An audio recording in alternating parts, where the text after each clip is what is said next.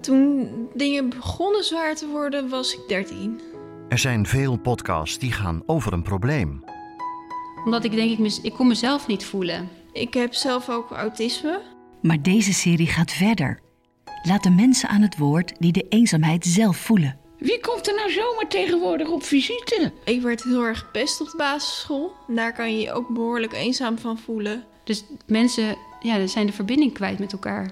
En soms is er een oplossing voor te vinden. Bellen naar die, bellen naar die. Gaat het nou met je? Nou, ga eens naar je buurman toe. eh, vraag, eh, heb je zin in een kop koffie? De eenzaamste podcast laat verhalen horen die soms wat minder eenzaam worden. Want wat zegt Rutte? Ja, je mag drie mensen in huis. Dan denk ik, jij hebt makkelijk praten, kwaad ik ze hard. Voor iedereen die zegt: Thuis ben ik alleen, is er nu de eenzaamste podcast.